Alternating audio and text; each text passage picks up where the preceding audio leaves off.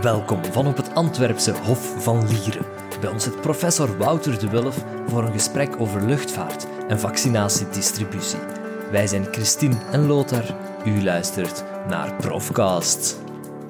Welkom professor Wouter de Wulf in onze uh, Profcast-studio.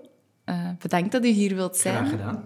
U bent uh, professor aan het departement van transport en u bent meer bepaald gespecialiseerd in luchttransport. Ja, dat klopt. Ik uh, onderzoek samen met een aantal collega's alle mogelijke aspecten van, van luchtvaart. En meer specifiek specialiseer ik mij in strategie vooral van luchtvaartmaatschappijen ik specialiseer mij ook in luchtvracht bijvoorbeeld. Uh, dus eigenlijk alle aspecten binnen de luchtvaart, maar met een aantal specialisaties. Oké. Is het dan, um, gaat het dan ook over passagiersvluchten? Waar dan oh ja, abso absoluut. Ah, ja, absoluut ja, ja. Er wordt trouwens ook heel wat vracht vervoerd aan boord van passagiersvliegtuigen. Oké. Dus die twee gaan sowieso wel uh, samen, hand in hand. En zijn dat zaken die je al van kleins af aan interesseerden? Ja, als kind was ik natuurlijk altijd gefascineerd, niet alleen door de, door de ruimtevaart, maar ook door de luchtvaart, hè, zoals heel wat, uh, heel wat jongeren. Ik heb me dan heel snel daarna dan toegelegd op uh, luchtvaart, hè, vooral na de ontploffing van de Challenger in 1986. Dat, uh, dat is voor jullie geboren waren, denk ik. Maar dat dacht ik, tja, dat ziet er toch niet zo een goede piste uit om, om astronaut te worden. Uh, ik wil natuurlijk ook piloot worden, zoals veel, veel jonge gasten. Maar ja, dan heb je de ouders zeggen, maar ja, wat kun je daar dan mee doen? En zo, dan eerst iets deftig studeren enzovoort. Oké, dus uiteindelijk, uiteindelijk heb ik hier dan TV gedaan aan de UFSIA in 88. Uh, ik hoorde de podcast van collega professor Veretsel. En die zei, we waren met duizend studenten in het eerste jaar. En wij waren met duizend studenten in het eerste jaar, 1988. Vier jaar TW gedaan en dan handelsingenieur erbij gedaan. Vroeger moest je 4 plus 1 doen. Um, uh, dan heb ik nog in, uh, in Louvain-la-Neuve, want ik wilde geen legerdienst doen, in uh, 93. En ik had gehoord, ja, het wordt afgeschaft. Je kunt nog rap iets bij doen. Ik heb dus maîtrise d'administration de gestion in Louvain-la-Neuve gedaan om me Frans te leren. Hoewel ik daar veel meer met laten we zeggen, niet Walen gepraat heb, uh, veel meer met, met buitenlanders, met, met SWAT. En daarna ben ik begonnen in, uh, in Engeland, in, in, Londen, want de economie hier was heel slecht begin jaren 90. Uh, en ik wilde per se voor luchtvaartmaatschappij werken. Ik ben in 1994 begonnen bij British Airways als manager trainee, als eerste buitenlandse manager trainee in British Airways. Heb ik daar drie jaar gewerkt, gewoond in Londen, een hele goede training gekregen. Daarna naar Sabena, uh, overgezet eigenlijk. Ik kreeg een heel interessant aanbod om daar te gaan werken. En uiteindelijk denk ik, ja, ja, ja, toen misschien toch wel terug naar België. Enzovoort. Vier jaar bij Sabena gewerkt, bij Sabena Technics, tot 2001. Hè, dan hadden we dat, dat faillissement, uh, jammer genoeg. Ik ben nog gebleven tot 2002, want de technische afdeling was dan niet, uh, niet failliet. Maar toen had ik het een beetje gehad met de luchtvaart. Heb ik dan, dan heb ik tien jaar voor Van Ganswinkel gewerkt, afvalbedrijf. Ik wilde nu dus werken in een sector waar er winst gemaakt werd. ik, uh, en intussen kreeg ik een hele vroege midlife-crisis. Ik kwam ik ook professor Van de Voorde tegen op een, op een vliegtuig. Um, en... U bent professor Van de Voorde tegengekomen op een vliegtuig? Op een vliegtuig, ja. ja. Hij plaagt mij daar nog altijd mee. Uh, want ik zat in business en hij zat in economy.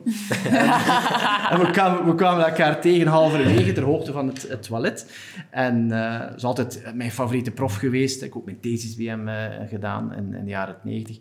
En ja, een beetje beginnen te praten en zouden geen doctoraat doen en, enzovoort. En dan begin ik in parallel met mijn werk bij Van Ganswinkel een doctoraat afgelegd. Dat intussen nu al een eind geleden is dat ik het heb afgewerkt. Dus dat is al ja, bijna tien jaar geleden. Um, dan ben ik gestopt bij Van Ganswinkel. Um, intussen ja, ook al meer dan tien jaar geleden in tussentijd. En ja, stap voor stap een carrière opgebouwd hier aan de Universiteit Antwerpen. En ik werk hier uh, intussen al ja, acht, negen jaar, denk ik nu, met heel veel plezier. En uh, ik vind het een fantastische omgeving. Dus ik heb nog geen seconde spijt van mijn overstap van de echte wereld naar de academische wereld.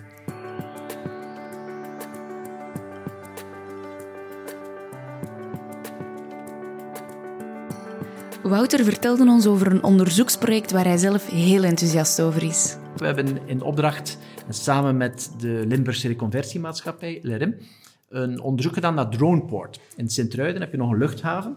Misschien wisten jullie luchthaven dat? in Sint-Truiden? Ja, ja, ja, een oude militaire luchthaven, ooit nog gebouwd door de Duitsers. Een hele lange uh, startbaan, daar zou je bij wijze van spreken met een 747, een heel groot vliegtuig, kunnen, uh, kunnen landen en, en opstijgen. Die hebben daar een luchthaven en die probeert natuurlijk ook haar, ja, haar comparatief voordeel uit te gaan nutten en die hebben zich gespecialiseerd in drones. En we hebben heel wat onderzoek gedaan naar drones. En dat zijn niet die drones zoals je op het eerste zicht wel kent met die multicopters die je pizza komen afzetten voor je deur. Nee, dat zijn de fixed wing drones, zoals je misschien wel kent, met een, uh, die eruit zien als een echt vliegtuig. Zoals je misschien nog gezien hebt, die worden gebruikt door het, het leger. Uh, het Amerikaanse leger heeft er een aantal. Die kunnen dan bijvoorbeeld Syrië bombarderen vanuit een, uh, een container in de Verenigde Staten. dus een autonoom vliegend vliegtuig. Die technologie staat op punt. Uh, de wetgeving staat daar nog niet voor op, op punt. Maar men zou kunnen denken dat over een aantal jaren vracht vervoerd wordt met dat type autonome vliegtuig.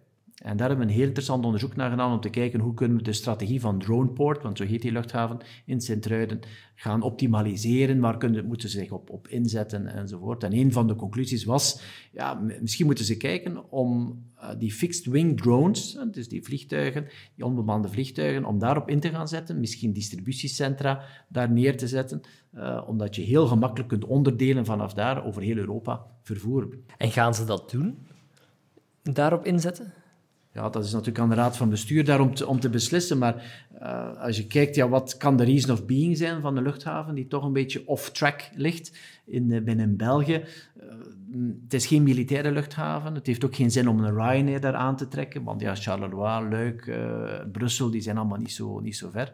Sint-Truiden woont ook niet zoveel volk rondom rond in, in Limburg. Prachtige streek trouwens. Dus we zoeken ergens naar een, eh, reason of being. En eigenlijk ligt Sint-Truiden op de Europese kaart wel heel goed. En als je een netwerk zou hebben van dat type droneports over Europa, dan zou je, ik denk maar aan een verdeelcentrum van onderdelen, dan kun je daar neerplaatsen en zo'n drone kan gemakkelijk 1 tot 2 ton vervoeren. Dan kun je heel snel connecties maken met Bordeaux, met Marseille, met Hamburg. En dan is het drie, vier uur vliegen en uw onderdelen zijn, zijn daar. Dat kan. Misschien toekomstmuziek, we zullen zien, maar die technologie staat eigenlijk op punt. De wetgeving uh, is zich aan het aanpassen. Uh, in Afrika wordt, die al gebruikt om bepaalde gebieden die uh, in, in, in, het oerwoud liggen, die niet zo gemakkelijk toegankelijk zijn, die ook een korte landingsbaan hebben, die moeilijke omstandigheden zijn. Ja, dat wordt al, wordt al ingezet. Hè. Daar is de wetgeving wel wat soepeler dan in Europa. In Europa wonen er heel wat mensen rondom rond. Er vliegen ook nog andere vliegtuigen in het rond, dus die wetgeving moet, uh, moet eigenlijk perfect op punt staan. De technologie moet ook perfect op punt staan voor je zoiets kunt, kunt doen. Maar ik verwacht zeker over 15, misschien 15 jaar, verwacht ik dat het wel mainstream wordt.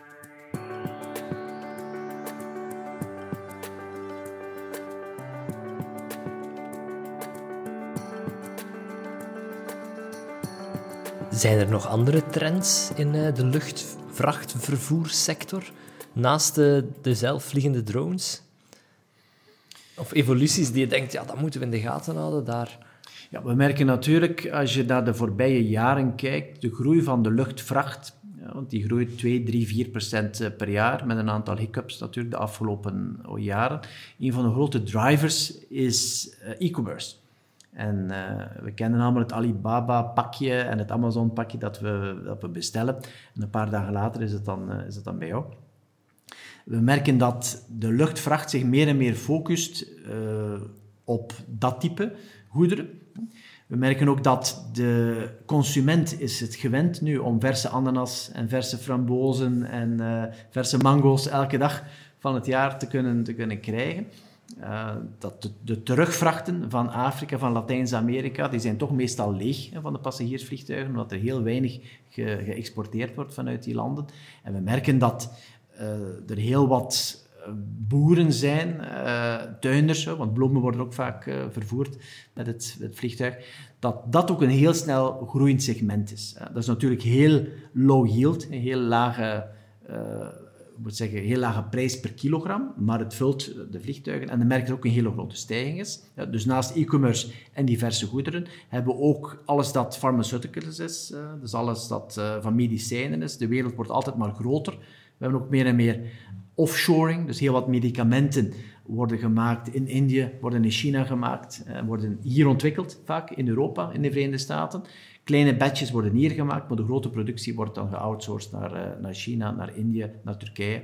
Dus we merken dat dat ook een heel belangrijk segment is dat uh, de wereld eigenlijk ons thuis wordt en dat er ook heel wat farmaceuticals worden rondgevlogen. Dus dat is een van de tendensen, dat de markt voor luchtvracht eigenlijk toch nog altijd, nog altijd groeit. En is dat positief dat dat blijft groeien? Is het goed? Ja, is groei goed? Ja, ja en nee. Ja. 50 procent en de verwachtingen zijn in de toekomst zal dat 60 en 70 procent worden van alle vracht wordt vervoerd aan boord van passagiersvliegtuigen. Passagiersvliegtuigen worden altijd maar meer en meer vrachtvriendelijk. Waarom? Omdat de romp wordt iets breder. Dus dat betekent dat er meer plaats is in de, in de buik van het uh, vliegtuig. Eén. En twee, vliegtuigen worden altijd maar zuiniger. Dat betekent ze moeten minder fuel meenemen. Nemen ze minder fuel mee, minder brandstof, dan hebben ze meer plaats voor cargo mee te nemen. Dus het aanbod stijgt eigenlijk altijd maar. En de vraag die je dan moet stellen, ja, is het goed dat we verse ananas en verse mango's en verse bloemen meenemen uit Afrika en uit Latijns-Amerika? Die vliegtuigen vliegen anders toch leeg terug. Dus in C is het, is het goed. Ja, een bijkomende kilo verbruikt trouwens heel weinig, eh, heel weinig brandstof. Ehm, en ik denk dat het goed is voor de lokale, nou, lokale mensen, lokale boeren, als het natuurlijk goed verdeeld wordt. Hè. Ehm, dat ze toch een andere afzetmarkt hebben die ze anders niet hebben. Als ik kijk naar Kenia, de verse boontjes en zo, is dat goed, is dat niet goed? Naar CO2, ik hoor soms mensen zeggen, dat is niet goed naar CO2, maar de vliegtuigen vliegen toch, hè, maakt u daar geen illusie. Met passagiers vliegen ze toch. Die zaken worden niet met een, met een vrachtvliegtuig aangevoerd. Dus ik denk dat je soms wel goede zaken kunt doen. Je kunt die, die mensen ook een bijkomende afzet uh, geven. In die zin is het, is het goed. Maar aan de andere kant, ja, alles dat van ver komt is misschien niet zo goed. Misschien kunnen we beter de, de lokale boeren steunen. Eh, ik vind het een moeilijke discussie. Een hele moeilijke ethische discussie. Maar ik ga ervan uit dat er altijd een vraag zal zijn naar passagiersvervoer. Dat die passagiersvliegtuigen toch vliegen. Dus ja, laat ze dan in de terugweg die dingen, eh, die dingen meenemen. En dan ga ik ervan uit, en hoop ik dat er een fair trade systeem is, dat die inkomsten eh, fair verdeeld worden onder de producenten.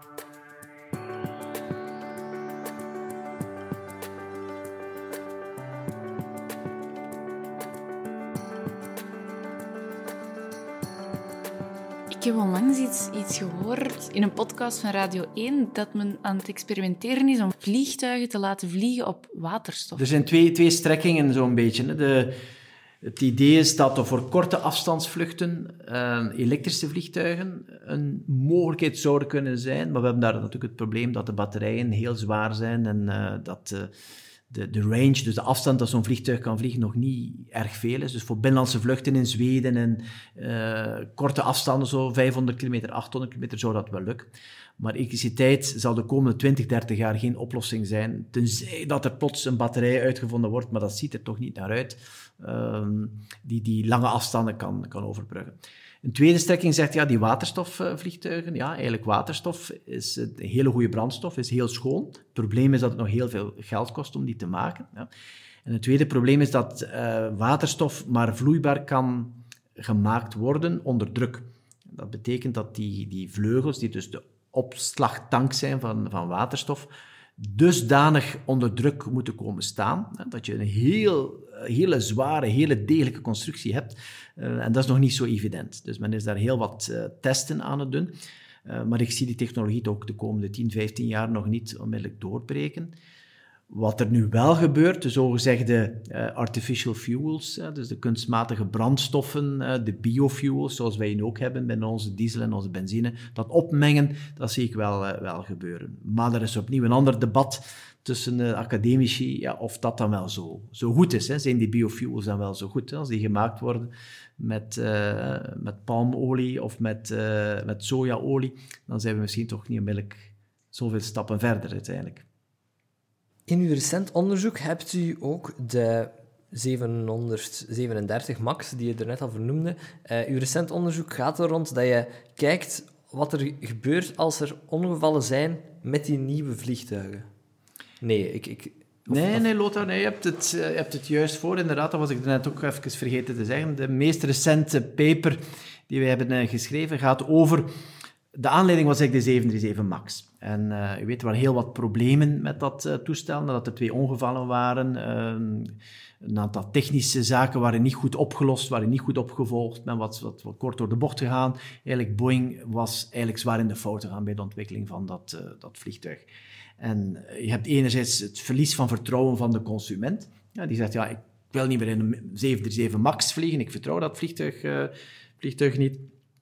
En anderzijds de uh, het is meestal de passagier niet die kiest. Hè. Het is meestal de luchtvaartmaatschappij die het type toestel uh, kiest. En het onderzoek ging heel specifiek of ongevallen met een vliegtuigtype een impact hebben op de bestellingen door luchtvaartmaatschappijen. En het onderzoek was dat er eigenlijk in het begin, na een zwaar ongeval of een reeks ongevallen, dat het aantal bestellingen wel mindert, maar dat dat heel snel weer herneemt um, om een aantal, een aantal redenen. En we zien dat ook bij de 737 MAX, een vliegtuig dat eigenlijk heel zwaar verbrand was door die ongevallen die er zijn, uh, zijn geweest. Het vliegtuigtype heeft meer dan een jaar aan, de grond gestaan. Intussen tijd was er wel corona, dus het was iets, iets minder dringend. Uh, en men heeft dan uitgewerkt, na die ongevallen heeft Boeing geen enkele bestelling meer gekregen voor de 737 MAX. Maar nu merken we dat een aantal luchtvaartmaatschappijen, een aantal grote Amerikaanse maatschappijen, ook Ryanair, heeft intussen tijd toch wel heel wat nieuwe 737 MAXen besteld. Dus het vertrouwen komt heel snel terug bij de, ja, bij de luchtvaartmaatschappijen. Bij de consument, ja, consument vergeet ook heel, heel snel. Hè. We hebben de staking gehad bij Ryanair twee, drie jaar geleden. We hebben ook uh, de, de, de alle moeilijkheden had men regelmatig met wat stakingen, ook bij, bij Lufthansa en bij andere luchtvaartmaatschappijen. En mensen zeggen, ik vlieg nooit meer met die luchtvaartmaatschappij. Maar ja, voor je het weet, boek je toch weer op, uh, opnieuw, dankzij de prijselasticiteit. Dus uh, consumenten vergeten heel snel, maar blijkbaar vergeten luchtvaartmaatschappijen ook wel heel, uh, heel snel. En dat was inderdaad een, een interessant onderzoek, want we hebben wat in de geschiedenis gekeken en daar hebben we gezien dat er vroeger gebeurde er veel meer vliegtuigongevallen. Vroeger had je elke maand bijna wel een, een, zwaar ongeval, ondanks het feit dat er veel minder gevlogen werd. Altijd in de kranten, op de televisie. Nu gebeurt er, uh, houdt vast, een amper, uh, amper nog luchtvaartongevallen. die worden zwaar in, in de pers neergezet.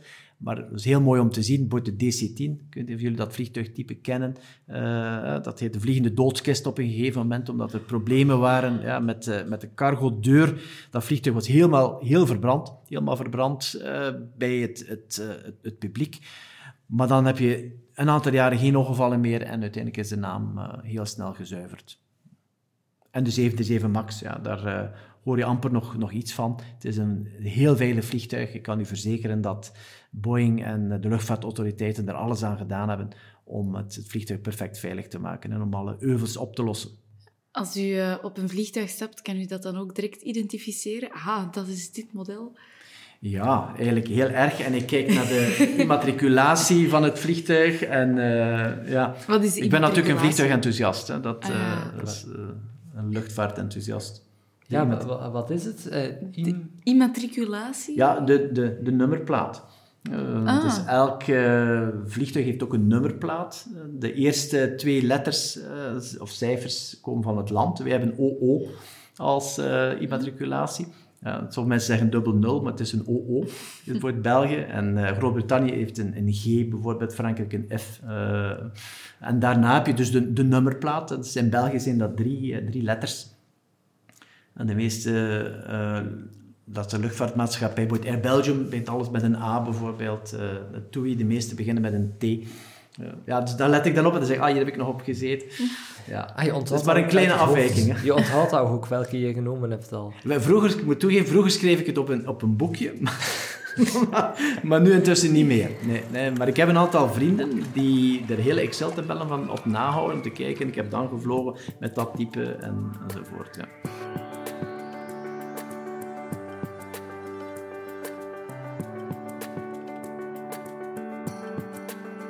De luchtvaartsector is natuurlijk heel erg getroffen door de coronacrisis. Ja, dat klopt. We beleven eigenlijk de grootste crisis ooit in de luchtvaart sinds de Tweede Wereldoorlog. We hebben natuurlijk al een aantal crisissen gehad in het verleden. we hebben de oliecrisis gehad van de jaren 70, de jaren 80 ook de oliecrisis. we hebben de, de, de subprime-crisis gehad in 2008, 9-11 natuurlijk ook niet, niet vergeten.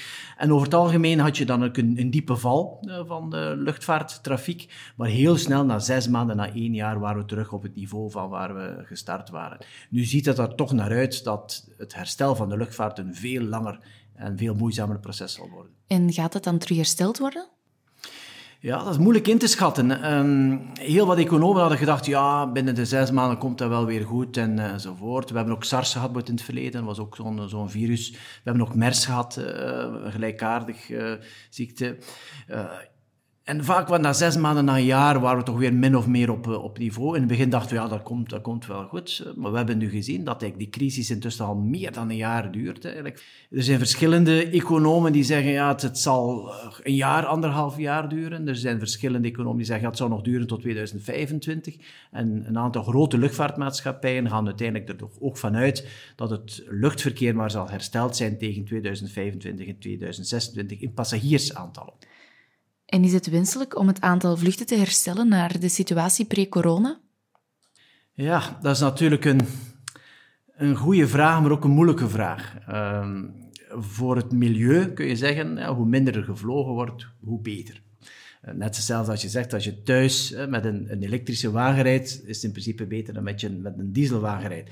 Dus dat, dat klopt wel. Maar aan de andere kant ja, luchtvaart brengt ook welvaart met zich, eh, met zich mee. Uh, tewerkstelling, uh, directe, indirecte tewerkstelling. Het zorgt ook voor verbindingen tussen landen. Het zorgt voor economische welvaart.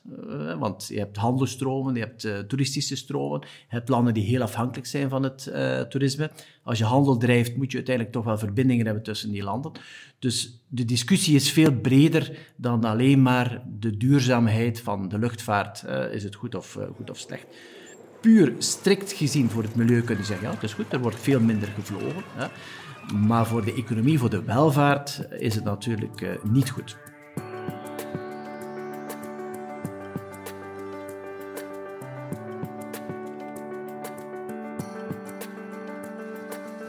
Wouter de Wulf was lid van de denktank Corona-vaccinatiedistributie dat is eigenlijk een informele denktank die ik met een aantal collega's hier heb uh, opgericht. Uh, ik niet opgericht, dus uh, collega Gevaars, professor Gevaars, die heeft, heeft opgericht. Ik zit er ook in.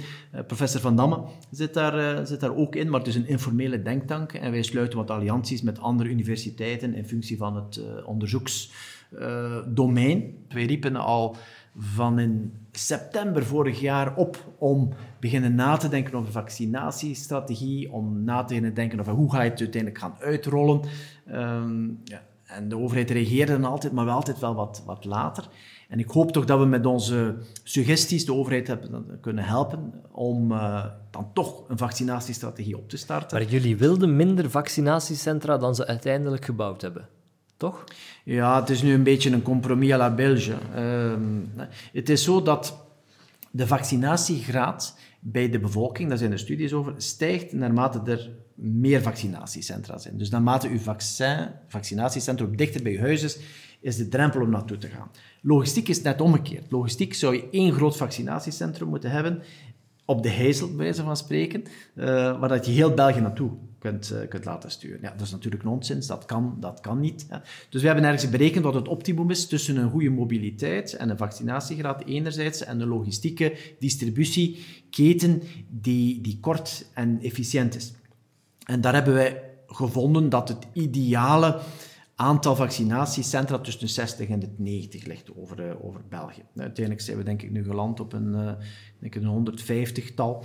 Um, ehm, ja, waar dat provincie Antwerpen heeft, uh, laten we zeggen, het optimum. je hebt dan andere provincies, zoals ik net zei, Vlaams-Brabant, die het een stukje minder, minder efficiënt doen op, op dat vlak. Maar ook niet vergeten, bepaalde vaccins, zoals het Pfizer-vaccin, dat moet dan min 70 graden vervoerd worden, moet ook onttooid worden. Als dat onttooid is, ja, kan dat maar een uh, zes à achttal uren um, ja, een kamertemperatuur blijven. Het Moderna-vaccin moet dan min 20 vervoerd worden. AstraZeneca heeft dan minder, is meer klassieke koeltemperatuur. Um, dus allemaal wel een hele complexe supply chain. Um, en het is ook niet zo dat dat je vaccins over hebt, dat je ze maar een beetje kunt rondsturen. Je moet je heel goed afwegen en af, ja, aftasten waar dat je het optimum kunt doen. En elke tussenstap zorgt voor een vertraging. Elke tussenstap geeft het risico op fouten. En elke tussenstap geeft het risico dat er misschien schade is aan uw vaccins. Ja. En daar hebben wij gepleit voor een logische, simpele supply chain. En ik denk dat we nu een goed compromis gevonden uh, hebben. Zeker recent, nu dat de overheid heeft geprobeerd de supply chain uh, met die Pfizer, die eerst via de ziekenhuizen moest gaan omdat het onttooid worden en van de ziekenhuizen dan nog eens naar de uh, vaccinatiecentra. Men heeft dat gelukkig een beetje vereenvoudigd. Of het op ons aangegeven is, dat weet ik niet. Maar wij hebben telkens gezegd, ja, misschien kun je dat doen, misschien kun je dat doen. Um, ja, soms een beetje luis in de pels, denk ik. Uh, ik weet niet of iedereen het even leuk vond, um, maar het is wel goed opgepikt, denken we, door, de, door de beleidsmakers.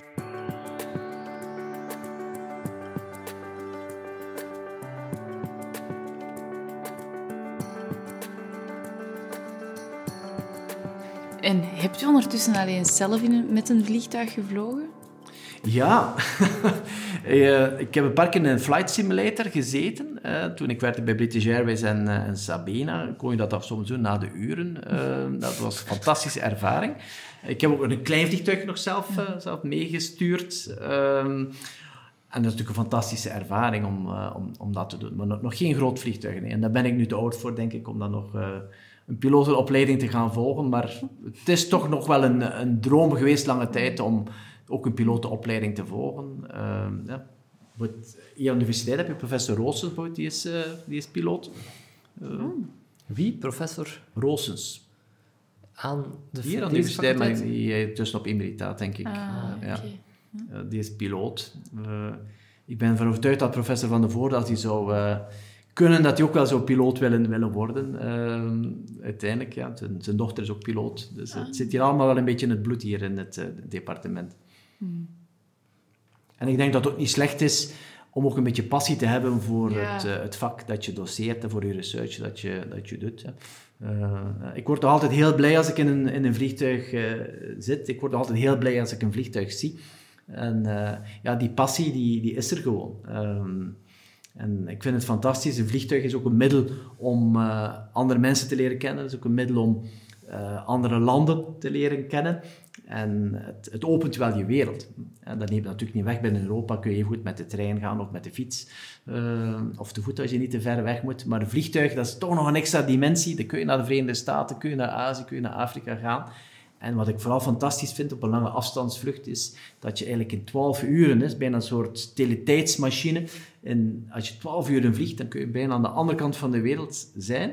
Je opent de vliegtuigdeur, het ruikt al helemaal anders. Hè. Zeker als je in Afrika of in Azië geweest bent. Het ziet er anders uit, de warmte slaat je tegemoet.